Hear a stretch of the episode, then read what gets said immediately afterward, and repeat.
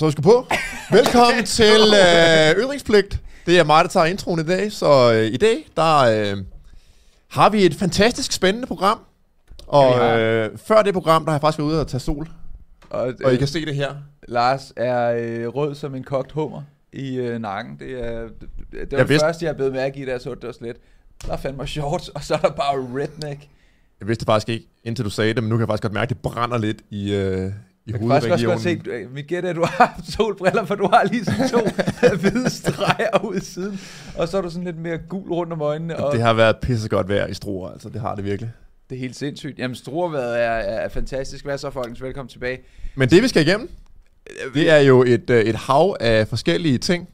Nu er det jo mig, der, øh, der sidder i førersædet nu. Færdigt. Så øh, hvis vi sådan skal tage sådan en lille overview af, af ting, vi skal igennem, så er det noget så, øh, så interessant som, at øh, overvågningspartiet, Socialdemokratiet, rent faktisk har lidt et nederlag i forhold til at ville overvåge borgerne mere, uden at skulle øh, spørge domstolene om lov. Det er en af tingene, og det er hovedemnet. Så har vi øh, også lidt... Øh, lidt Zelensky, lidt øh, Ukraine. Jeg synes, det er meget interessant at sådan se på, hvordan øh, øh, 4. 5. maj-fejringen forløb herhjemme, hvor det gik op i noget, jeg tænker, intet havde med 4. 5. maj at gøre, øh, mm. egentlig. Øh, vi har lidt om pensionsalder, mm. om unge, der bliver ældre og ældre, og frygter at blive, skulle blive pensioneret øh, senere. Og øh, det siger nogle politikere nogle rigtig dumme ting om. Øh, og så har vi også noget, der, jeg ved ikke om det ligger mit hjerte nært, men det er i hvert fald noget, der er meget interessant i forhold til kulturkamp i USA, og sådan ligesom øh, fragmentationen af de to samfund derovre, altså af konservative og af progressive, det er nemlig den her øh, abortdebat, der raser derovre nu, øh, hvor øh, højesteret i USA vil øh, omgøre Roe versus Wade, der jo øh, gav kvinder øh, føderale abortrettigheder i først 70'erne. Så det er sådan cirka det, øh, vi øh, løber igennem. Vi har også øh, en lille smule i forhold til at gøre de øh, kloge mennesker lidt dummere, og så har vi også øh, lidt med trendjacking i forhold til alt det her med Herlufsholm, og at så havde Mette Frederiksen lige pludselig noget... Hun havde lige noget at sige, fordi nu var der noget, hvor man, man lyttede til folk, der havde noget at sige, så hun havde også noget at sige. Men, øh, men ja, så vi har, vi har masser på programmet, og øh, velkommen til alle, der sidder og lytter med. Vi har en, øh, en webshop, der hedder ytringsblik.com, der kan man købe t-shirts, der er logo-t-shirts, der er det McDonald's fra Rusland, der er kopper med billeder af en kvinde, der godt kunne ligne hende, der styrer Socialdemokratiet. Der er alle mulige ting den på ytringsblik.com. Og så har vi også en øh, VPN samarbejdspartner, der hedder strongvpn.com, og der er et link i beskrivelsen, uanset om du lytter til det her på lyd, ASMR lyd, eller om du ser det på YouTube, så er der altså et link nede i beskrivelsen. Og så kan man øh, slippe for at blive overvåget. Noget af det, som vores afsnit Noget, ja, det kan man slippe for i hvert fald. noget af det. Men øh, noget af det, som vores afsnit også handler om i dag. Ikke helt det samme, men lidt. Så det er reklamerne, og øh, skal vi, har du lyst til, at vi starter med... Øh, hvad, hvad kunne du tænke dig, vi starter med, Lars? Ja, noget let, som du har der, synes jeg faktisk er ganske udmærket. Så noget, vi overhovedet ikke har sagt, vi ville tale om. Men jeg så også den her øh, nyhed, øhm, og synes, at det dog virkede øh, relativt ubegavet at bruge ressourcerne på den måde, som Jo. den her nyhed lægger op til. Fordi, hvad er det? Jamen altså, Danmarks Radio har, øh, har overskrifter, jeg synes, det siger næsten det hele. Lynuddannelse breder sig. Akademikere, blive, akademikere kan blive til eftertragtede pædagoger. det er simpelthen det mest absurde i hele verden. Så du har nogle af de klogeste hoveder i landet, som man nu siger, når men øh, det sværere for jer kloge, kloge mennesker at få et job. Øh, så vi kunne godt tænke os, at I, og al respekt til pædagoger, men vi kunne godt tænke os, at I dummer en lille smule ned og tager noget, som vil være en lidt kortere uddannelse, og I kan få den på I kan få den med det samme. I kan få den som en indsprøjtning i armen, øh, og, og så kan I øh, kalde jer for, øh, for pædagoger. Øh, og det har de både i, øh, i, i, øh, i Aarhus og i Odense, der starter de her lynuddannelser for pædagoger. Øh, jeg synes jo, det er fuldstændig forkasteligt, at man går ind og tyvstjæler nogle øh, store, kloge hjerner, som er det, der skal være med til at fremme Danmark. Jo, pædagogerne har selvfølgelig også en relevans, men, det er ikke, men du skal ikke prøve at dumme folk ned. Don't dumb people down. Og spørgsmålet er jo, altså man kan sige mange ting, og man kan se på den her nyhed fra mange øh, sider, men man kan sige, hvis man som akademiker ikke kan få arbejde som akademiker, men man, man kan få det som pædagog, så er det nok også, øh, så hænger det nok sammen med, at den akademiske uddannelse, man har, er forholdsvis værdiløs. Altså der bliver jo uddannet virkelig, virkelig mange akademikere inden for de der bløde fag, som, øh, som Roskilde Universitetscenter blandt andet har fundet på, øh, som der i virkeligheden ikke er noget markeds efterspørgsel efter.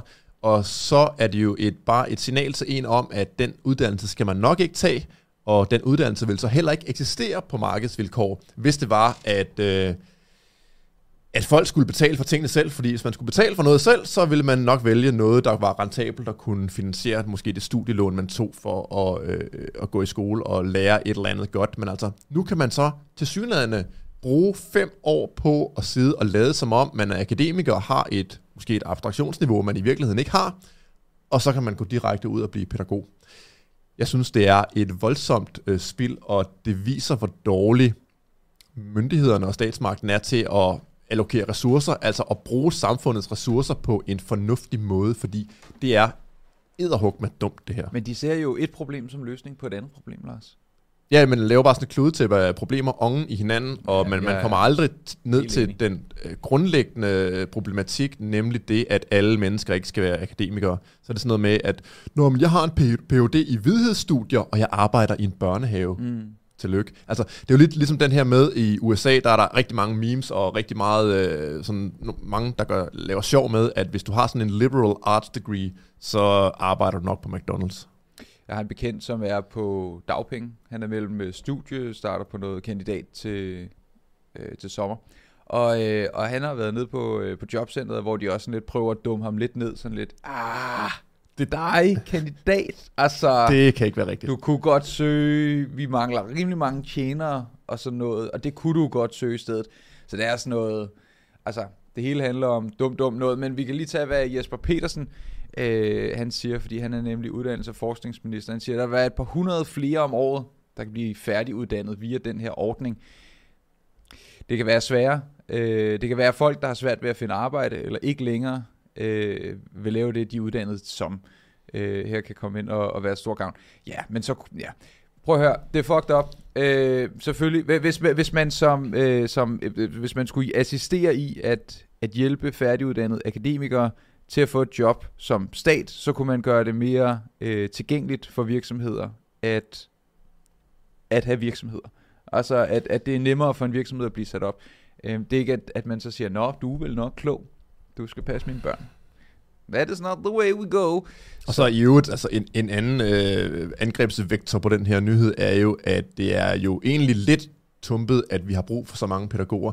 Det viser bare, at samfundet er indrettet på den måde, at at kvinderne afleverer deres børn til nogle andre kvinder, som så passer deres børn, mens de her kvinder går på arbejde. Det er ligesom lidt, så alle skal lave et eller andet, de kan blive beskattet af. Så kan pædagogerne blive beskattet, og så kan, kan kvinderne, der går på arbejde og ikke ser deres børn i øh, 40 timer om, øh, om ugen, de kan også øh, blive beskattet. Så det er sådan lidt underlig karusel af at give hinanden hinandens opgaver, og så skulle vi alle sammen blive rigere og lykkeligere på den måde, og det tror jeg simpelthen ikke er tilfældet. Så jeg så der hellere også sådan helt systemisk, at at man begyndte at, at se lidt en, øh, en værdi i at passe sine egne børn, og at børnene var mindre i institutioner, og der dermed blev øh, brug for færre pædagoger. Det vil jeg synes var glimrende. Jeg vil ikke bestemme, hvordan folk de øh, indretter deres familieliv, men det kunne dog være rart, at de måske også havde øh, muligheden for at indrette deres familieliv på en måde, der involverer færre pædagoger, men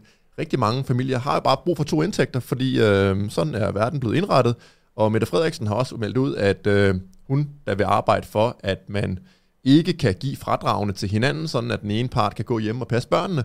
Det er ikke godt for ligestillingen, mener hun, så samfundet skal åbenbart være sådan, at man afleverer sine børn til nogle vidt fremmede mennesker øh, i løbet af ugen.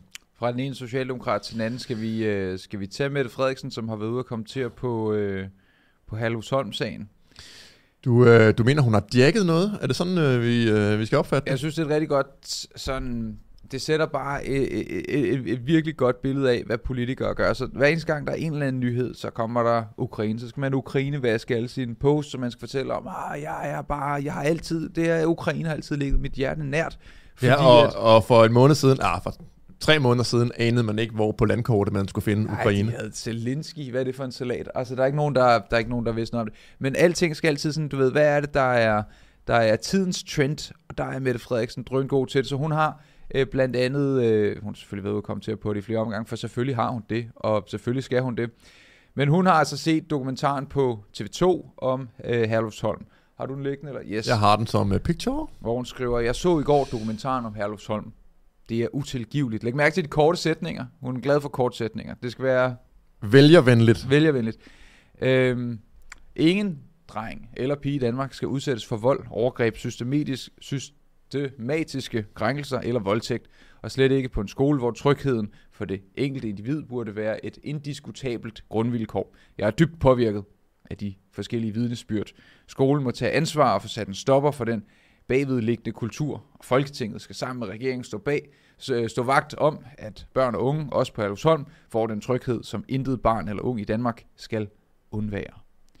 Hun får ligesom... Øh, hun får ligesom, øh, så fik hun lige noget taletid, og hendes ting har også været citeret i nyhedstingene, og, og så er hun får ligesom, der skal ikke være en ting, der sker i verden, uden at Mette Frederiksen lige har en mening, eller lige kan komme med, og lige være sådan lidt, jamen jeg er også en af de gode. Og det er jo smart tænkt at skyde sig selv ind i debatten, altså en debat om noget, der i virkeligheden ikke burde være politisk på nogen måde. Altså skolesystemet skulle, lad os selv sige, at det var decentralt, alle sådan nogle ting. Mm. Det er ikke noget, der skulle blive afgjort på statsministerniveau. Det er noget, der skal afgøres på langt lavere niveauer. Altså skolebestyrelsen på, øh, på Herlufholm må da finde ud af, hvordan de driver deres skole, sådan at forældrene er tilfredse. Det er jo ikke noget, statsministeren skal mene noget om, eller sætte lovgivnings... Øh, apparatet i værk for at, at komme til at gøre noget ved. Men grunden til, at man gør det her, det er jo, at øh, altså som politiker, det er jo, at man også gerne vil bruge øh, verdens nyheder til at gøre sig selv relevant, og måske også give sig selv mere magt på sigt. Fordi hele øh, Mette Frederiksens øh, sådan stik, hendes, øh, hendes kæphest, har jo gennem lang tid været øh, at være børnenes statsminister. Og så skal man jo så ryste i bukserne, når man hører, at nogle politikere vil være det. Det betyder gerne, at de vil gøre nogle forfærdelige ting. De vil lave sådan nogle øh, måltal for, hvor mange der skal øh, tvangsfjernes og sådan noget, som øh, Mette Frederiksen også har talt om. Øhm, så hun vil gerne øh, gyde jorden for at kunne bestemme mere over danske familier og danske børns skolegang, øh, hvilket de også viser øh, her for ikke så lang tid siden, hvor de lavede en... Øh, nogle ændringer på gymnasieområdet, hvor man så kan bestemme, hvor børn går i gymnasiet henne. Fordi hvis der nu går for mange brune børn herover, så skal vi sådan tage nogle hvide børn, et etnisk danske børn, og så skal vi sådan putte dem derover, sådan at vi kan fortynde det lidt, sådan at, at problemerne måske bliver lidt mindre rundt på de der lidt belastede gymnasier. Så øh, i det tilfælde bliver det sådan, at man ikke selv kan bestemme, hvor man vil gå på gymnasiet, så skal man bruge i sådan et socialt projekt, øh, i forhold til at fortynde øh, gymnasier, hvor det går dårligt. Altså, hun forsøger at retfærdiggøre, at hun kan få mere magt over danskerne i den allerbredeste forstand. Det gjorde man faktisk jo også i gamle dage. Jeg ved ikke, om du kan huske det, du gik i skole. Der var der jo altid en specialklasse. Kan du huske det? Ja, jeg kan godt huske. Og så, øh, så lavede man den her ordning med, at alle de specielle børn skulle... Øh, der skulle være en lille smule i hver klasse. Og, øh, Inklusion? inklusionsordning, ja. Og det virkede ikke særlig godt. Det virkede meget bedre, da der var to lærere i klassen at all times, og det var en lille klasse, og man kunne holde styr på, du ved, ham med ADHD og hende med borderline, og så, så, var det ligesom, så havde man styr på den lille klasse, hvor der var nogen, der så lidt skævere ud, og, og så virkede det. Men, men det er jo en helt anden snak. Og apropos, øh, jeg skulle til at sige, øh, øh, ja, skæve mennesker, skal vi tage noget abort? Kunne tænke Jeg det? synes faktisk, at øh, ja, at vi skulle tage noget bort, fordi jeg synes ikke, det er en debat, der i virkeligheden burde fylde særlig meget, fordi den nyhed, der er i USA, er blevet blæst totalt ud af proportioner. Jeg, jeg synes, det er spændende i forhold til at, øh, at se dit synspunkt på det, fordi du går meget op i, at tingene skal gerne være den individuelle stat, der bestemmer. Det, det er hver eneste supermarked skal bestemme det, men samtidig ja. Ja. så er der jo også, men, men hvad så i forhold til noget af det, de kommer med forslag, at det er jo nærmest en baby, der bliver slået ihjel, fordi øh, det er så langt frem. Ja, og vi kan jo, øh, altså baggrunden er jo, at man i øh, USA i først 70'erne havde den her Roe versus øh, Wade øh, sag, hvor højesteret i USA afgjorde, at man mente, at det var forfatningsmæssigt beskyttet, at øh, kvinder havde ret til at få aborter, og så er der nogle grænser, de besluttede sig for og sådan noget. Øhm, øhm, og der mente man, ud fra nogle argumenter, som både abortmodstandere og aborttilhængere øh, nok var ret juridisk dårlige. Altså, de her højesteretsdommer, de bestemte sig for, at det vist nok var noget med privatliv at gøre. Øh, så man fandt et eller andet meget lille tvivlsomt hjørne af den amerikanske forfatning og sagde, det her kan vi hænge abortrettighederne op på, og nu er det lige pludselig sådan et føderalt emne, som altså, som vi breder ud til alle stater, hvor man ikke kan decentralisere det og sige, at det er statens egne, øh, øh, egen beslutning, om man vil have den ene eller den anden abortlovgivning. Altså ligesom, lad os tage et eksempel, øh, at man ikke vil kunne decentralisere for eksempel slaveri igen, fordi at det er helt sikkert øh, forbudt i øh, forhold til den amerikanske forfatning at holde slaver, så det vil man aldrig kunne lægge ud til staterne selv. Men altså ting, der ikke er øh, eksplicit øh, nævnt i den amerikanske forfatning, eller øh, som ikke øh, ligesom bunder i, at man skal, kan man sige, øh, kunne drive et godt samfund. Det er sådan de to ben, det står på, når man som højesteretsdommer skal bestemme, om noget skal være øh, føderalt, eller det skal være sådan lagt ud til, til staterne. Og så har det så vist sig nu her, at der er en eller anden i øh, statsadministrationen over i øh, USA, der har lægget et udkast til, at man vil omgøre den her Roe versus øh, Wade beslutning, sådan at det netop bliver noget, der skal afgøres på, øh, på delstatsniveau. Og det er venstrefløjen gået totalt amokka over. Altså jeg sidder og kigger på et billede af Elizabeth Warren her, det vil jeg da også øh, øh belaste jer med. Det er kun mig, der skal sidde og øh, se på hende. Øh, man får det til at lyde som om, også i vestlige medier, øh, danske medier mener jeg, europæiske medier, at det her er sådan et angreb på retten til fri abort, hvilket det ikke nødvendigvis er. Øh, det er en decentralisering af spørgsmålet, sådan at det ikke er et federalt anlæggende, men det er et delstatsanlæggende. Og det er man gået fuldstændig øh, amok øh, over nu. Øh, meget mere, end man er over alle mulige andre emner, der i virkeligheden nok var mere relevante for amerikanernes liv og sådan noget, altså statslig gældsætning, øh, af inflation, af alle mulige ting, men så det her, øh, fordi det er så øh, værdipolitisk lavet, noget med menneskeliv, øh, så er man virkelig gået i bræsen både fra den ene og den anden side, i forhold til, om det er en god eller dårlig idé. Og så Venstrefløjen mener, at det er øh, det fører bare nærmest til, direkte til, hvad hedder den der, Handmaid's Tale, øh, serie, hvor kvinder bliver undertrykt og tvinges til at føde børn, øh, fordi øh, samfundet har brug for dem og sådan noget. Og, øh, og på den anden side er der også nogle, øh, nogle øh, lidt giftige argumenter. Men jeg har fundet, du har også fundet noget frem, kan jeg se.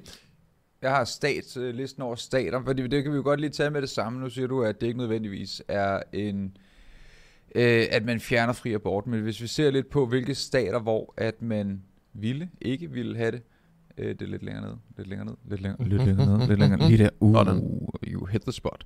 Okay, der er, øh, der er nogle stater, hvor man simpelthen øh, i the south, the south of America, the, the Midwest, hvor de ikke ville være synderligt interesseret i, at man fik en abort. Der Eller er, at grænserne blev anderledes. Hvad var Eller at grænserne blev anderledes. Ja, grænserne for... blev anderledes, men grænserne kan også godt blive anderledes på en måde, der hedder, at du er blevet voldtaget, eller du, mm. lad os sige, din onkel voldtager dig, du får en incest øh, baby, ja. der, der, der, der er din onkels. Der er nogle stater, hvor det er dybt ulovligt at få en abort. Der er nogle stater, nej, hvor ikke, det ikke nu, fordi nej, nej, nu, nu er det jo der vil, et... Der vil stå til at blive dybt ulovligt. Måske. Ej, men vi ved begge to godt, at der er en lille smule, du ved, der er noget Alabama, der er noget... Ja, 100. Der er nogle steder, hvor at, at, uh, at uh, the separation of church and state ikke rigtig har fundet sted, så de har stadigvæk sådan nogle underlige religiøse overbevisninger med, at, at, uh, at du ved, hvis du gokker en serviet, så er det barnemor. Altså, så der, der er så har du myrdet en million uh, mennesker. Har du fandme, ja, det er for, helt folkemord. Men, men så, så, så det er jo ikke helt, du ved, at fjerne fri abort, men det er ad og hug med tæt på, fordi at nu siger man, at hele landet du ved, der er det sådan her, det er. Øh, og nu går man så ud og siger, at øh, I må selv bestemme det. Men nogle af dem, der bestemmer, det er jo øh, er lidt whack. Ja, men så kan man sige, at øh, de her mennesker, som jo er demokrater, altså med stort D i, som et demokratisk parti, øh, de må jo også sådan vedkende sig, at de øh, så går ind for demokrati, og så sige, jamen øh, USA er jo en samling af samfund, altså det er the United States of America, det er de forenede stater, øh, små forskellige, ret forskellige artede samfund, der er gået sammen i en union, hvor de så lader nogle ting være op til unionen.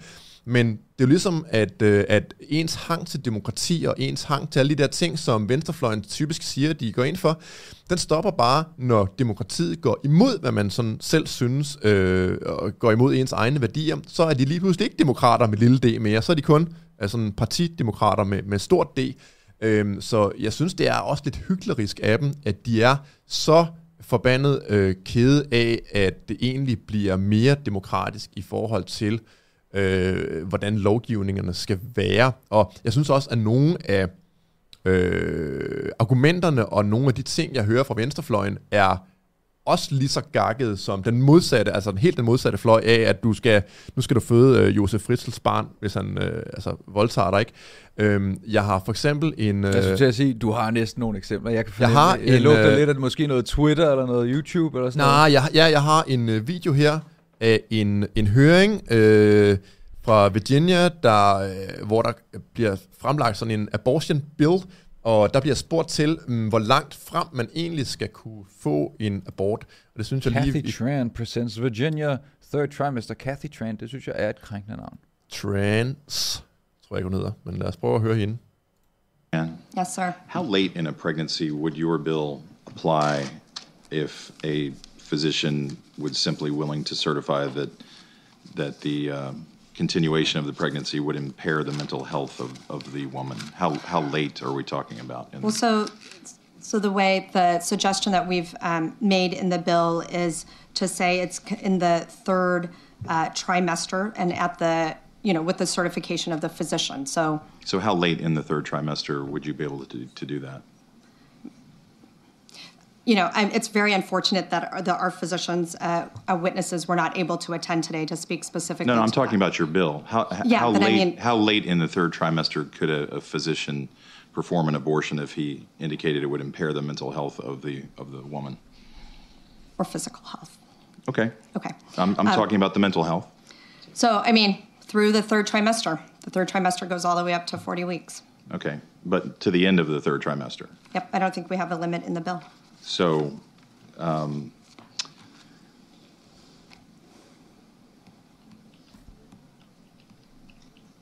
where it's obvious that a woman is about to give birth, she has physical signs of, of, that she is about to give a birth. Would that still be a point at which she could request an abortion if she was so certified? She's dilating. Uh, Mr. Chairman, that would be a you know, a decision that the doctor, the physician, and the woman I understand that. that. I'm asking point. if your bill allows that. My bill would allow that, yes. I certainly.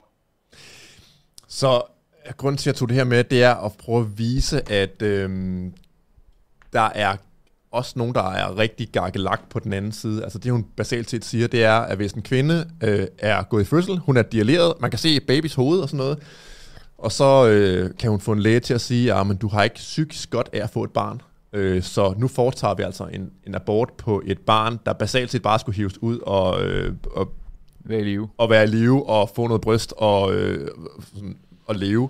Øh, det er også den slags gak, vi har med at gøre. Og jeg er helt med på, at øh, det med at ikke kunne få en abort på tredje dagen, for at man er blevet voldtaget af sin onkel, det synes jeg også er fuldstændig forkert. Altså. Men der er nogle nuancer derind imellem, som er værd at diskutere, men som det virker som om, at de to aller yderste fløje ikke vil diskutere, fordi ja, øh, et, øh, et befrugtet æg inde i, øh, i mor, det kan jeg ikke se er menneskeliv, og jeg kan ikke se, at man på nogen måde begår noget umoralsk, basalt set, ved at fjerne den her øh, klump celler på meget, meget småt, der nærmest ikke, der ikke er et menneske. Det er noget, du kan se, det er noget, der ikke har arme, der ikke har ben, der ikke har hjerte, der ikke har hjerne, noget som helst.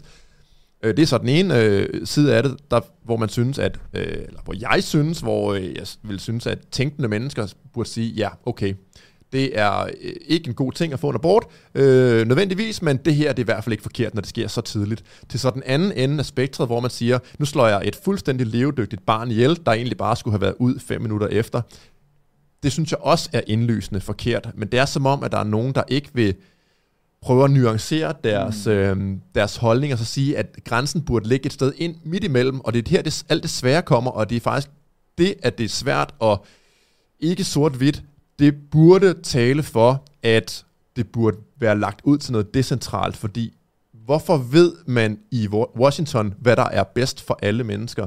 Øh, jeg synes, det er et svært spørgsmål, og svære spørgsmål bør efter min mening ikke være centraliseret og bestemt af en central øh, statsmagt og en central aktør, fordi så kan katastroferne være meget større, end de vil kunne på et decentralt kan man sige, marked for lov.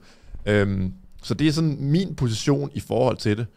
Hvornår øh, vil der være et tidspunkt, hvor du siger, nu, nu er det ikke længere okay? Eller nu er, er, der sådan, er der et sted, hvor din grænse går, hvis nu, altså, der bliver også skrevet i chatten her, øh, kvindens øh, krop, kvindens valg, og øh, altså, men hvis nu, at du skulle sige, jamen, nu, begynder, nu er det et sentient being. Nu, nu er det, der, der, er ikke nogen, der er ikke nogen spædbørn, der er sentient, altså som sådan. Hvis man tager det der med bevidsthed, så kan man jo, altså, det, det synes jeg er et dårligt mål. Så det er svært at sige nogen helt, altså sådan øh, 100% videnskabelig, moralsk øh, grænse for, hvornår det skal være. Så, så jeg, jeg ved det ikke. Altså, jeg synes ikke, at Danmarks øh, 12-ugers regel er, er, er særlig øh, mm. dum i virkeligheden. Øhm, så et sted midt imellem, men basalt set er pointen, at jeg ikke ved det, og andre mennesker ved det heller ikke med 100% sikkerhed. Så i stedet for at prøve at presse alt muligt ned over andre mennesker, så decentralisere det og lade folk lovgive på den måde, de gerne vil i de enkelte stater. Fordi de enkelte stater i USA, de er jo lige så store som lande. Altså det svarer jo til, at, øh, at Europa med, med, med Frankrig og Tyskland og Belgien og Holland og Danmark og Norge, vi alle sammen skulle have samme lovgivning inden for et eller andet område, og det vil ville også nok synes var rimelig screwy, at hvorfor skal kulturelt forskellige mennesker i Europa leve under forskellige, eller det er samme lovgivning, men det skal de i USA på en eller anden måde. Øh, så nej, jeg har ikke de gyldne og de vise sten, og det er også grunden til, at jeg er decentralist. Det er nemlig, at jeg ikke ved, hvornår tingene, altså hvordan tingene skal være helt præcist. Altså, jeg ved ikke, øh, hvad der er det gode liv for alle mennesker. Jeg ved heller ikke, om abortgrænsen skulle være 11, 13 eller 14 uger. Altså, I don't know. Øh, decentralisere det. Øh, og fordelen ved decentralisering er jo så også, at man kan flytte. Man kan jo så sige, jamen nu, nu gider jeg ikke at bo i Alabama, så nu flytter jeg til øh, South øh, Carolina. Eller et eller andet andet sted, hvor det så måske giver bedre meninger, som øh, vi har snakket om før. Det kunne man jo så også gøre i eksempelvis Schweiz. Der kan man sige, okay, men her der er der øh, mindre godt for, øh, for, for pensionister, men der er bedre for iværksættere. Eller der er, og så bliver pengene brugt på forskellige måder, og øh, der er nogle steder med mere skat, nogle steder med mindre skat i, i, i de kantoner der. Så, så det er jo, øh, men jeg, jeg, det jeg har som sådan mit grundlag for, hvad jeg synes, der er etisk korrekt eller etisk ukorrekt i forhold til abort, det er, jeg kan lige sende dig artiklen her, det er øh, den øh, tidligst fødte barn, som der overlevede. Ja. Og øh, det er Curtis øh, Sai, tror jeg, hvis nok han hed. Øhm, og, øh, og han øh, nåede at øh, blive født efter 21 uger, en dag, og øh, svarende til 148 dage. Så der har jeg det sådan lidt, den her øh, lille skrøbelige marker kunne blive født der, så må det være der, hvor livet starter. Vi har alligevel, du ved, eksisteret i pænt lang tid, og det er den tidligst fødte med den teknologi, vi har nu. Mm. Så det vil sige, at alt hvad der kommer derefter, føler jeg, så er der en eller anden form for håb i stadigvæk, at barnet kunne godt klare sig. Så, så hvis man så tager den til udgangspunkt i de der 30 uger for eksempel, det synes jeg er helt whack. Altså, det er totalt langt ude. Eller op øhm. til 40. 20. uge, som hende, øh, der stod og, og høringssvaret her. Det er en sjælløs kvinde, tænker jeg. Ja, altså, jamen, jeg, jeg, jeg, jeg forstår simpelthen ikke, hvordan man kan stå og argumentere for at egentlig slå et, et fuldfærdigt spædbarn ihjel, der bare er klar til at blive født. Øh, jeg har en lille bit smule svært ved at se, at det bare er kvindens øh, valg. Altså, ja, det er da fint nok, at, det, at noget bliver taget ud af hende, og det er sådan måske den Rothbardske, eller det er den Rothbardske position, altså Murray Rothbard, den, det der store øh, libertanske tænker, han var jo egentlig abortfortaler i den øh, forstand, at han mente altid, at kvinden havde ret til at få taget noget ud af sig, men man havde ikke ret til at slå det ihjel, der blev taget ud af kvinden. Og i mange tilfælde er det jo så det samme, ikke? Hvis man fjerner noget, et foster, der er, en, er 19 øh, uger gammelt, så er det sandsynligvis ikke levedygtigt. Så det at tage det ud af kvinden, det er en dødsdom for fosteret. Men det er sådan den meget firkantede libertanske måde at se det på. Du må gerne fjerne noget fra din krop, men du må ikke slå det ihjel. Men så er der også der er mange måder at se på det på. Der er også libertanere, der siger, jamen okay, det er ikke sådan, jeg ser på det, siger de. De ser på det som, og øh, lad os sige, at jeg inviterer dig op i en, jeg har en stor varmluftballon, har du og, det? Ja, men det har jeg nu. Oh, og øh, det synes jeg er fedt, og så inviterer jeg, dig gerne med. med. Jeg vil gerne med, Lars. Fordi vi er, vi er gode venner, Ja, og vi er. vi, vi, øh, jeg inviterer dig op i varmluftballonen. Kom, Alexander, op. nu Ja. flyver vi. Lad os flyve. Siger det. Så øh, kommer vi op i 3 km Ja. højde, og det går godt rigtig langt hen ad vejen. Og så Ja. på et eller andet tidspunkt tænker jeg, Gud, hvor ville jeg da egentlig bare ønske, at jeg var alene op i den her varmluftballon. Og det er jo min varmluftballon. Mm. Så er du ikke rar at, øh, at forlade øh, ballonen, fordi nu gider jeg faktisk ikke have dig med mere. Jeg vil blive vildt utilfreds. Ja, det kan man sige, fordi at man kan lave analogien med, at barnet er blevet inviteret ind til den der livmor, og det har jo gerne mulighed end at være der og være i live. Så man kan sige, at øhm, der er nogle sådan betingelser, en, nærmest en kontrakt, der er indgået, i forhold til, at, om man kan smide folk ud af enten livmoren eller varmluftballonen. Fordi jeg vil jo nok sige, at du har ikke rigtig noget valg, hvis jeg lige pludselig bliver ked af at have dig med, og jeg bare vil have absolut tavshed op i ballonen og sige, ved du hvad, øh, der er masser af luft til dig derude, er du ikke lige øh, venlig at øh, hoppe en gang? Mm. Øh, det mener jeg også er, øh, altså, det er også en måde at se på det på, så øh, jeg tror bare, man skal erkende, at det er et meget, meget vanskeligt emne, fordi hvornår har man rettigheder som individ, og er man blevet inviteret ind i, den, i livmoren, eller Hvornår har man altid man ret? et individ? Ja, altså det, det er del med ikke nemt. Og dem, der siger, at det er nemt, og det er fuldstændig, øh, man kan være fuldstændig dogmatisk med det, det, det synes jeg ikke, man kan i det tilfælde. Godt, så, så, siger vi, øh, så siger vi, at vi har taget lidt abort, og det, øh, det var en spændende debat, men vi har altså også en masse andre ting på programmet. Så øh, hvad synes du kunne være øh, det næste, eller kunne du tænke dig, at der er noget mere abort, vi lige Jeg synes ikke, at vi behøver øh, mere abort. Andet end at måske kunne sige, at øh, det er nok en af de sager, der vil kunne accelerere øh, opbruddet af stater i USA, fordi det er så hot emnet. Mm. Så jeg vil tro, at selvom det berører ret få mennesker i virkeligheden, øh, så vil det være noget af det, som vil kunne få, folk så højt op i det røde felt, at den der udvikling med at sige, nu gider jeg altså ikke være sammen med jer mere, og jeg vil ikke have den præsident, I har, det kunne blive accelereret af det her. Mm. Jamen, vi må se. Det kan jo være, at Texas lige pludselig bliver til øh, sin egen øh, nation. Elon Musk som præsident. Med Elon Musk og øh, Matthew McConaughey som øh, vicepræsident. Øh, jamen, så har vi jo faktisk, øh, skulle det næsten være øh, aftens hovedhistorie, eller er der nogle flere ting, vi lige når Nej, jeg synes, øh, at øh, ja, det er jo altid en dejlig historie, når Socialdemokratiet de øh, ikke får ret. Ja. Øh, så tænker jeg, at vi skal tage deres, øh, vi tager lovforslaget inde fra øh, resuméet. Skal vi ikke gøre det? Så kan, vi, Ja. øh, så kan vi læse lidt op for, øh, hvad du plejer at sige, højtlæsning for dvæve. Lige præcis. Jamen det her det er et lovforslag, som der er blevet øh, fremsat, og det... Ja, vi kan jo give øh, et resumé af resuméet, lige snart vi har givet resuméet. Men resuméet herinde fra Folketingets hjemmeside, det er lovforslaget indeholder, og det er øh, regeringen, der fremsat det. Lovforslaget indeholder en række forslag til ændringer af straffeloven, retsplejeloven, loven, ungdomskriminalitetsloven og forskellige andre lov, der overordnet har til formål at sikre en hensigtsmæssig udnyttelse af politiets, anklagemyndighedens, domstolens, kriminalforsorgens og ungdomskriminalitetsnævnets ressourcer herunder ved at forbedre politiets efterforskningsmuligheder. Meget pæn måde at sige det på.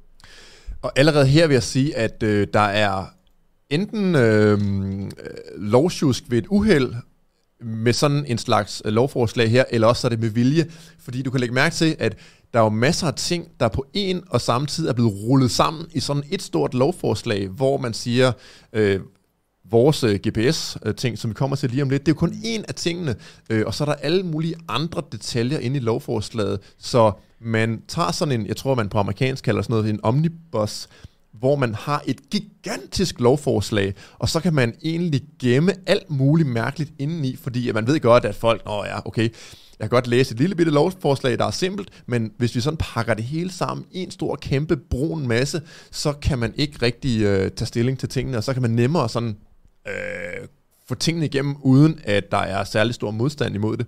Så jeg synes allerede det, at der er så mange mærkelige ting samlet på én gang, er en mega dårlig idé. Lovforslaget indeholder for det første et forslag om at udvide politiets muligheder for at blokere hjemmesider, hvorfra der bliver begået visse straffelovs overtrædelser. Med lovforslaget foreslås det for det andet at udvide muligheden for at afholde retsmøder med anvendelse af telekommunikation med billede ved varetægtsfængsling af udlændingen i medfør af visse hjemrejse, hjemrejselov ved i medfør af visse af hjemrejselovens regler. Alt muligt. Alt muligt. Lovforslaget indeholder for det tredje et forslag om ændring af retsplejelovens øh, regler om, om politiets registrering af en mistænkt eller andens persons øh, færden ved hjælp af for eksempel en GPS, således at dette vil kunne ske uden retskendelse. Og hvad vil det helt konkret sige, Lars?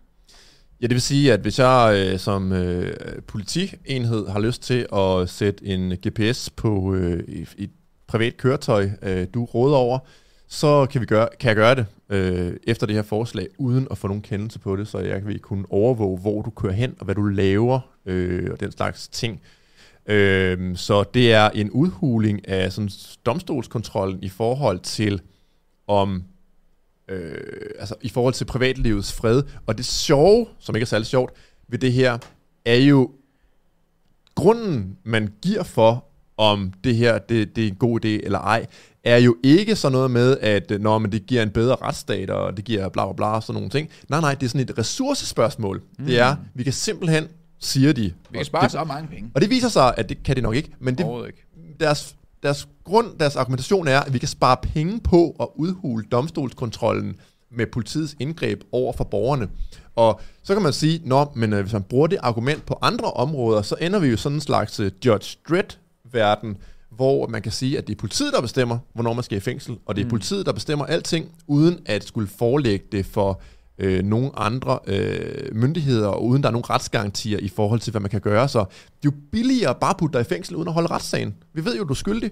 Det er jo evident for alle, så det kan vi da også gøre øh, i princippet. Så det er sådan lidt sat på spidsen argumentet, men hvis man bruger det som argument, at det bare er billigere ikke at forelægge tingene for domstolene, så er der øh, nogle store døre, der lige pludselig åbner sig i forhold til, jamen hvad med telefonaflytninger? Kan vi ikke bare iværksætte det uden, øh, uden nogen domstolskontrol? Eller hvad med rensagninger? Hvad med, hvad med det uden domstolskontrol? Altså så bliver det lidt ligesom, at... Øh, Kom med en god analogi, Lars. Ja, nu kan jeg, når, det er ligesom, når, når du skal tisse, så kan, jeg, Nej, kan du jeg heller kan ikke... slet ikke tisse, når du står og kigger jeg på mig. kigger, jeg kan heller ikke lave en analogi, når du siger, jeg skal. Men altså, det er ikke særlig betryggende, og det er jo meget sjovt, at det her, det er, kan man sige, Nick Hækkerups afskedssalut er som øh, justitsminister. Så verdens absolut, Danmarks absolut ringeste justitsminister nogensinde, vil jeg næsten sige. Øh, og der inkluderer jeg Erik Nien Hansen, og så siger man, øh, men der var en rigsretssag og sådan noget. Ja, men han prøvede at passe på Danmark i forhold til de ting. Whatever. Men det er så hans øh, arv, det her. Det er, at han lige vil prøve at udhule øh, domstolskontrollen i forhold til overvågning af danskerne. Det er øh, meget passende i forhold til ham, vil jeg sige. Men det er ikke noget, vi skal være øh, særlig glade for. Men nu sagde du også, at det var en omnibus øh, sandwich, så vi, øh, vi tager selvfølgelig også lige andre ting, der står her. Lovforslaget, øh, med lovforslaget foreslås det for det øh, fjerde, at give politiet adgang til at lave stikprøvekontroller for eksplosive stoffer. Det har jeg ikke engang sat mig ind i. Og hvad må det stikprøvekontroller? Er det bare, at man standser folk på gaden og siger, om de har sprængstoffer i tasken? Du ligner en, der går rundt med nitroglycerin i lommen. Ja. Det gør du. Det kan jeg se på dig. Jeg ved ikke lige helt, øh, hvad den sætning den lægger op til, men øh, interessant. Skal måske prøve at dykke ned i på et tidspunkt. Det foreslås for det femte at indsætte en bestemmelse i straffeloven, hvor i det præciseres, at de oplysninger, som politiet kan videregive i medfør af straffelovens regler og ophold, om opholds- og kontaktforbud, blandt andet omfatter personfotografier optaget af politiet og kriminalforsorgen, og det foreslås, at der skabes hjemmel til, at politiet kan optage personfotografier med det specifikke formål, at fotografierne kan videregives i medfør af de nævnte regler om opholds- og kontaktforbud. Den, den, den forstår jeg ikke helt, Lars. Jeg forst- du, du skal ikke spørge mig om ting, jeg ikke sat mig ind i, fordi jeg, jeg ved ikke rigtigt, hvad det... Øh, Fanger, fanger du den? Det er jo en lang sætning, ikke? det, det virker som om, Ekstremt at lang politiet sætning. så har lov til at bare tage billeder af folk på gader og stræder, og så kunne vid- videregive de billeder til nogen, der skulle have interesse i at se den person på det pågældende sted. man kan sige, det er jo i forbindelse med øh, forlængelse af coronarestriktioner. Altså med, øh, med øh, kontaktforbud, opholdsforbud. Det, det, det, det jeg fornemmer, det, det her, det er, hov, I tre, I står og spiller kongespil herude i, øh, i, i den her park. Ja, I må lige line jer op, og så tager jeg lige billeder af jer, og så bliver det sendt videre. Og så kan man ligesom se, om folk er måske serie krænker Ja. inden for det. Det Det, er, sådan, jeg læser det. det er et bud. Jeg, jeg ved det øh, virkelig ikke. Nej. Øh, og det er også det fede ved det her omnibus halløj, så jeg har Ja, kun sat mig lidt ting, ind men- i men der er- GPS-delen. Der er flere endnu. Lovforslaget indeholder for det sjette et forslag til ændring af retsplejelovens regler. Øh, om massemediers adgang til agtindsigt i anklageskrifter og retsmødebegæringer, hvilket betyder, at der stilles krav om, at anmodninger om agtindsigt i et større antal anklageskrifter og retsmødes begæringer skal være rimeligt begrundet. Det vil oh. sige, at det bliver endnu sværere for dig at irritere dem. Og det bliver endnu sværere for medierne at få adgang til myndighedernes afgørelser og ja. se myndighederne i kortene. Det havde jeg ikke engang læst indtil videre. Hvorfor står der så meget lort i det forslag? Det er, der Jamen, helt, det er, det, det, det er en shit sandwich, det her. Det er en shit sandwich, og vi er ikke færdige nu, fordi lovforslaget indeholder for det syvende øh, et, øh, øh, et forslag om at udvide politiets muligheder for at offentliggøre signalement og fotografier af en formodet gerningsperson med det formål at finde frem til den angiveligt forurettede eller andre vidner. Det synes jeg egentlig lyder sådan øh, okay. Ja, der er sikkert gode og dårlige ting lige der. Der, der ja. kan godt komme nogle okay ting i. Lovforslaget indeholder for det 8. øh, forslag om at ændre færdselslovens regler om adgang til at pålægge juridiske personer strafansvar for hastighedsovertrædelser, der konstateres ved automatisk trafikkontrol, som ikke kan medføre frikendelse af førerretten eller kørselsforbud, sådan at strafansvaret for sådan overtrædelse kan pålægges enkeltmandsvirksomhed uanset størrelsen på og organiseringen af virksomheden. Så man kan få... Random uh, ting at have på den samme liste. Ja, okay, man kan åbenbart straffe en virksomhed. Altså lad os sige, at du har en eller anden vognmandsvirksomhed med mm. alle mulige budbiler og sådan noget. Så kan man straffe... Det er have under en enkeltmandsvirksomhed, men ja. Ja, øh, øh, uanset størrelse. Jo, øh, men så kan man straffe virksomheden i stedet for at straffe personen åbenbart. Lovforslaget indeholder for det 9. og vi er snart i bund, slap nu af, folkens. Øh, for det 9. en række forslag om at ændre ungdomskriminalitetsloven, således at der blandt andet sikres en øget, for, øh, en øget øh, brug af straksreaktioner, og at nævnsprocessen effektiviseres og smidiggøres herunder overgangen fra kriminalitetsforebyggende indsatser efter ungdomskriminalitetsloven til sociale indsatser efter serviceloven. Jeg ved ikke, hvad det betyder. Jeg er en ekstremt lang sætning. Jeg forstår den ikke. Men det er jo ofte det, de gør i de her ting. Så smider de ting ind, hvor det er... Det, det, man laver så lang en sætning, at du aldrig når at få det punktum, så du lige kan tænke, hvad fanden var det lige at læse. Så den er jeg ikke med på. Og så har vi den sidste her, det tiende. Lovforslaget indeholder for det tiende et forslag om, at det øh, præciseres ved lov, at danske myndigheder og domstole kan behandle anmodninger om retshjælp fra og fremsende anmodninger om retshjælp til den europæiske anklagemyndighed, EPPO, efter almindelige regler om staters gensidige retshjælp i straffesager. Godt, der er mange forskellige ting, og som du lige sagde, det er noget en shit sandwich. Øh, der er, øh, men det, som vi ligesom har bidt mest mærke i, det er altså, øh, og også det, som øh, medierne lidt har bidt mærke i, ikke så forbandet meget, øh, men det er altså i forhold til GPS. Øh, at, øh, at man øh, ikke skal have en øh, kendelse for at kunne tracke folk. Hvad tænker du, Lars? Er det, øh, og lige om lidt, så hører vi også, hvad blandt andet øh, øh, øh formanden for øh, øh nogle af de... Vi hører, hvad nogle politikere siger også. Rosa Lund, hun siger for første gang i sit liv noget, der ikke er helt dumt. Så øh, det, det er, hvad tænker du, Lars? Ja, jeg mener, ligesom øh, der åbenbart også, og glædeligt nok, er øh, ret stor opbakning for i Folketinget, at man synes, det er en utrolig dårlig idé at udhule de her retsgarantier. Øh, så øh, jeg er der, ligesom Klaas, vi også kan komme til lige om lidt, så er jeg da glad for, at øh, det blev skudt ned, men jeg er lidt bestyrtet over, at det overhovedet kan være sådan en ting, man som socialdemokrat siger, hey, jeg synes, der var det er skide fedt, at øh, give politiet flere beføjelser, uden at de skal spørge nogen som helst om lov mm. til det.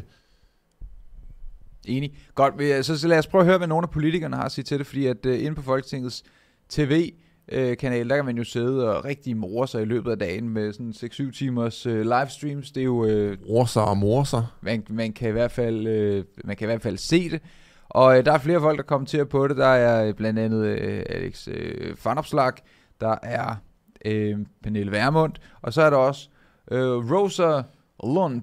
Rosa som, Lund. Som, øh, som kommer med sit øh, take på det, som faktisk ikke er helt dumt ikke er helt dumt. Vi siger lige kun nødvendige cookies.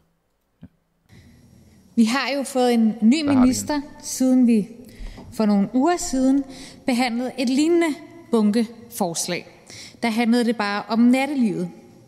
Men som nærmest samtlige ordfører også gav udtryk for ved den behandling, og som nærmest samtlige ordfører også har givet udtryk for ved denne her behandling, så er det en uskik at fremsætte lovforslag, som behandler fuldstændig urelaterede områder.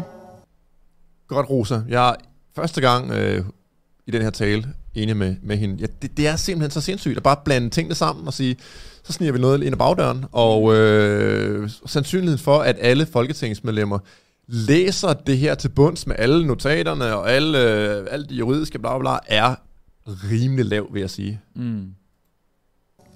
Det giver en useriøs og dårlig lovbehandling, når vi står heroppe med ganske få minutter at tale i og skal nå omkring alle emnerne. Jeg synes sådan set, at vi alle sammen tager det seriøst. Det er jo præcis derfor, at vi beder om mere tid til at sætte os ind i tingene og mere tid til at diskutere tingene, både med regeringen, men jo sådan set også med hinanden. Når jeg siger det, så er det, fordi den tidligere justitsminister, han jo betragtede det som et udtryk for, at retsudvalget ikke rigtig gad at arbejde. Det er bare at sige, det er præcis det modsatte, der er tilfældet. Det betyder jo også, at jeg ikke kan nå rundt om alle ændringerne, som det her lovforslag kommer med, men jeg vil komme med nogle nedslag her. At give politiet yderligere beføjelser til at overvåge borgere uden domstolskontrol, som sikrer, at det rent faktisk sker på et korrekt og gyldigt grundlag, det er under al kritik. Vi lever i et land, hvor man i udgangspunktet har ret til frihed og privatliv, og der skal være væsentlige hensyn, hvis man skal begrænse borgernes rettigheder. Og en økonomisk besparelse hos politiet er i Enhedslistens optik ikke en gyldig grund til at øge overvågningen af borgere uden domstolskontrol og dermed svække retssikkerheden betydeligt. Det, at det er besværligt for politiet at overvåge mennesker, det er jo i sig selv med til at sikre, at man kun gør det i de situationer, hvor det er absolut nødvendigt. Og fjerner man det besværlige element, så tror jeg, vi kommer til at se endnu mere uproportionel masseovervågning af borgerne, end den vi ser i forvejen med de danske lokningsregler. Så vil jeg sige, at der er masser af dårligt at sige om den eksisterende ordning med ungdomskriminalitetsnævnene. Det var vist uh, mere eller mindre alt det, vi... Uh... Hvor, hvor ofte har du uh, været enig med Rosalund? Åh, oh, altså, som jeg også måske har sagt før i podcasten, så mener enhedslisten jo nogle gange nogle fornuftige ting på de her øh, sådan, borgerrettighedsområder, hvor det handler om overvågning og den slags ting. Øh, så hvis man lader være med at lytte til dem i noget, der handler om, øh, om økonomi, om skatter, om, om, om penge generelt, øh, så er de lidt mere fornuftige, end man måske øh, tror, de er. Så, øh, men nej, øh, jeg kender mest enhedslisten for det dårlige. Altså, de er jo øh, sådan øh, slags neokommunister, øh, en slags.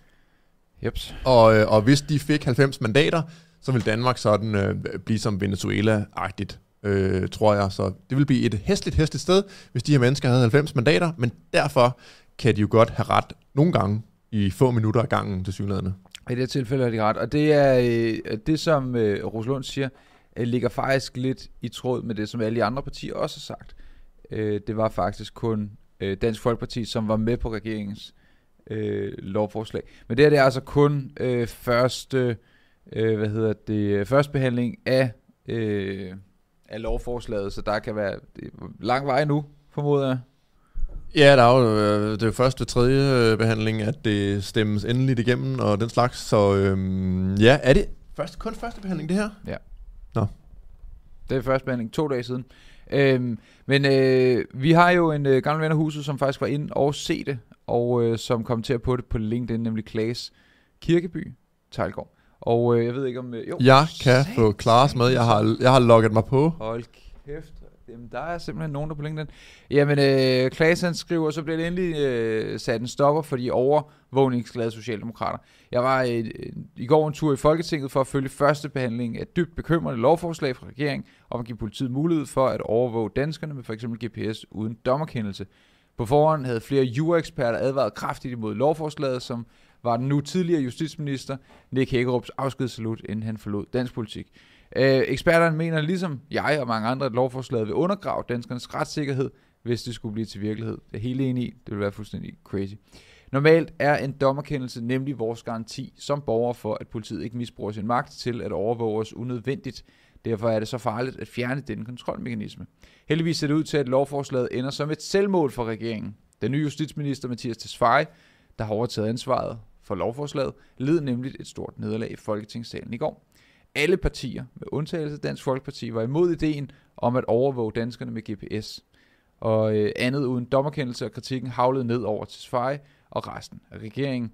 Skrev Klaas, det var smukt at sidde på tilhørspladserne og opleve, hvordan et samlet folketing sagde fra over for de overvågningsglade socialdemokrater. Det hjalp nok heller ikke regeringen, at dens eneste argument for lovforslaget var, at det ville spare politiet masser af tid og penge, hvis de slipper for at indhente en dommerkendelse. Ikke holder en meter. Det indrømmer Justitsministeriet selv i et dokument om lovforslaget.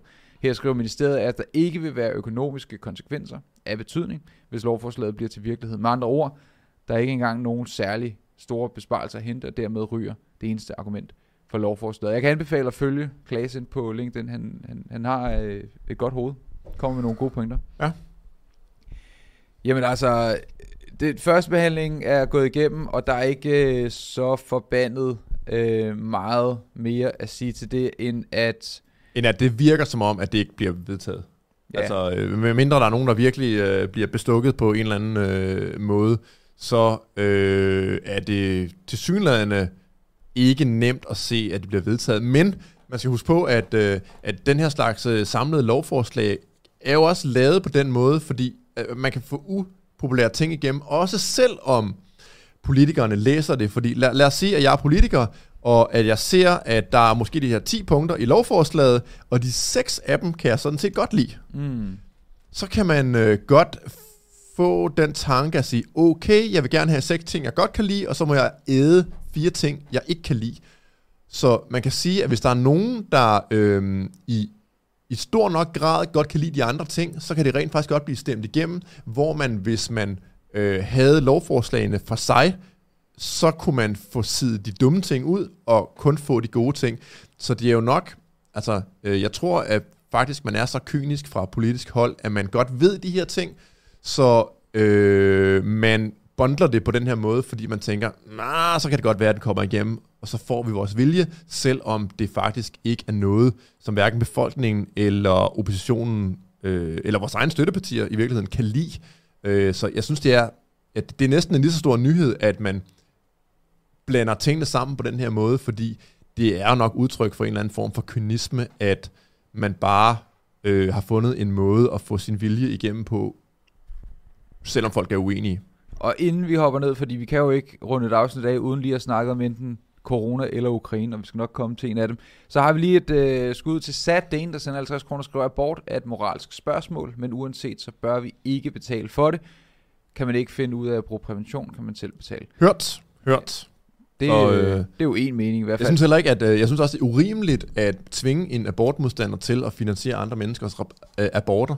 Øh, selvom jeg ikke er øh, abortmodstander på den måde, at jeg ikke synes, at... Øh, jeg synes, det er okay, meget, meget tidlige aborter, og man skal ikke sigte efter at bruge det som prævention. Det er totalt øh, hjernedødt at gøre sådan nogle, nogle ting, og det viser uansvarlighed og umodenhed hos folk. Men så at tvinge folk til at finansiere noget, de er uenige i, det synes jeg også er sådan at få et spot til skade på en måde. Hvad så? Hvad har vi øh, afrundingsvis, Lars Krav Andersen? Øh, ja, ja, det har lige været øh, befrielse, ikke? Øh, altså 77 årsdagen for Danmarks befrielse. Det er jo en ting, som nyhederne tager op hvert eneste år, fordi så kan man jo bruge en, en halv dag på det. Øh, men i år var sådan lidt øh, anderledes, end det, øh, det plejede at være, fordi øh, nu var befrielsen i Ukraines tegn lige pludselig. Øh, så øh, til synligheden, og jeg så det ikke selv, fordi jeg ikke følger med i, øh, i sådan flow-medier og den slags ting, men man brugte dagen på at lade øh, Zelensky, øh, altså den ukrainske præsident, adressere danskerne på storskærme, så vidt jeg har forstået, øh, på befrielsesdagen. Så i virkeligheden har man kapret en dag, der absolut ikke handlede om Ukraine, til, og så nu skulle man pushe det her politiske budskab øh, i forhold til øh, den ukrainske situation, hvor der nok er nogle danskere, der bare gerne vil festligholde befrielsesdagen, selvom der nok ikke er specielt mange tilbage, der kan huske særlig meget fra det. Og jeg synes, det viser igen, ligesom øh, Hallerfolms eksemplet her, hvis man skal perspektivere tilbage til det, at man sådan hijacker nogle dagsordner, hvor man siger fra politisk hold, hey, det mener jeg også noget om, skal vi ikke hægte os på en eller anden anden dagsorden, så vi kan få vores egen dagsorden igennem. Og det er også det, der sker øh, med det her, øh, at vi har jo nok alle sammen set øh, plakaterne for, om man skal afskaffe det her øh, forsvarsforbehold i EU, øh, om man skal stemme ja eller nej til at give Ursula von der Leyen et militær. Det burde næsten, næsten sige sig selv. Det skal vi, Vi nok kommer stemme. med nogle særafsnit omkring det. Det skulle vi nok stemme nej til, i virkeligheden. Øhm, men det passer meget godt ind i den fortælling, at hele Ukraine-tingen, øh, altså man kan bruge den til at få mere EU. Politikerne vil gerne have mere EU, de vil gerne give mere øh, magt til centrale magthavere langt fra Danmark til synlædende, og så kan de så bruge øh, Ukraine-konflikten til øh, krigen, invasionen og alle de forfærdelige ting, der sker der, men den kan de bruge i deres egen dagsorden til basalt set at få mere øh, Øh, ikke demokratisk, øh, langt fra vælgerne magt, hvor man giver fjerne byråkrater ret til at kunne bestemme over nogle militære styrker, måske på et eller andet tidspunkt. Det synes jeg også er, er forfærdeligt og usympatisk, at man bruger en krise til at bare pushe øh, mere af det, man i forvejen gerne vil have. Lars, jeg synes ikke, at du er særlig øh, be brave like Ukraine lige nu. Jeg synes ikke, der er særlig meget slava Ukrainer i dig lige nu. Nej, jeg, jeg er ikke så god til at støtte den uh, the current thing. Nej, det er du ikke. Hvad hedder det? Øh, prøv at høre, vi øh, fortsætter festen ind på patreon.com ytringspligt, og der vil være to ting, der kommer til at ske. Det er nummer et, jeg har været i et gammelt jugoslavisk land de sidste uge, så vi kan snakke en lille smule om det. Der er noget kommunisme, jeg har været på kommunisme museum, vi har noget Bosnien, relationerne mellem Bosnien og Kroatien, og relationerne inde i Bosnien. Det kan vi også tage en, en snak om. Og så er der jo den evigt gående saga om Lars Krav Andersen og Socialdemokratiet. Du er jo PT stadig medlem af Socialdemokratiet, og du har faktisk fået en ny invitation til noget nyt socialdemokratisk. Jeg er kommet på en mailingliste, hvor jeg bare får det hele. Og, øh, og øh, sidst vi øh, lavede Patreon-afsnit, øh, hvor vi blandt andet hoppede ind over Socialdemokratiet, der, så fik vi også skrevet en rigtig, jeg vil sige udmærket e-mail, øh, Sig var god. der forsvarede Wow. din position som ægte socialdemokrat. Så hvis du er interesseret i noget af det, hvis du vil se lidt mere trolling uh, in the making, uh, og, og følge med i den sag, jamen, så hop med ind på patreon.com ytringspligt. Det koster 40 kroner om måneden, og så er du med til at støtte podcasten. Det her, det her iglo noget, de her, det her, det hele, ikke? Det er dig, der gør det. Lyset, Dig. kameraet, Det os. hele, alt. Så, øh, så der håber du har lyst til at følge med, og hvis ikke du gider det, jamen så smid et like for fanden. Det er, det er gratis at smide et like, og det hjælper os med at komme ud over stepperne med vores podcast. Og du kan selvfølgelig øh, som altid også finde den her på lyd ind på, øh, på Spotify, du kan finde den inde på Apple Podcasts, du kan finde den på Stitcher, du kan finde den hvor som helst, og så kan du finde merchandise med ytringspligt ting inde på ytringspligt.com. Men nu fortsætter vi ind på patreon.com, skråstrej ytringspligt, så det kan være, vi ses derinde. Det er det, vi siger. Det er det, vi siger. På gensyn. Adieu. Adios. Ababadu. Bibidi. Babadu.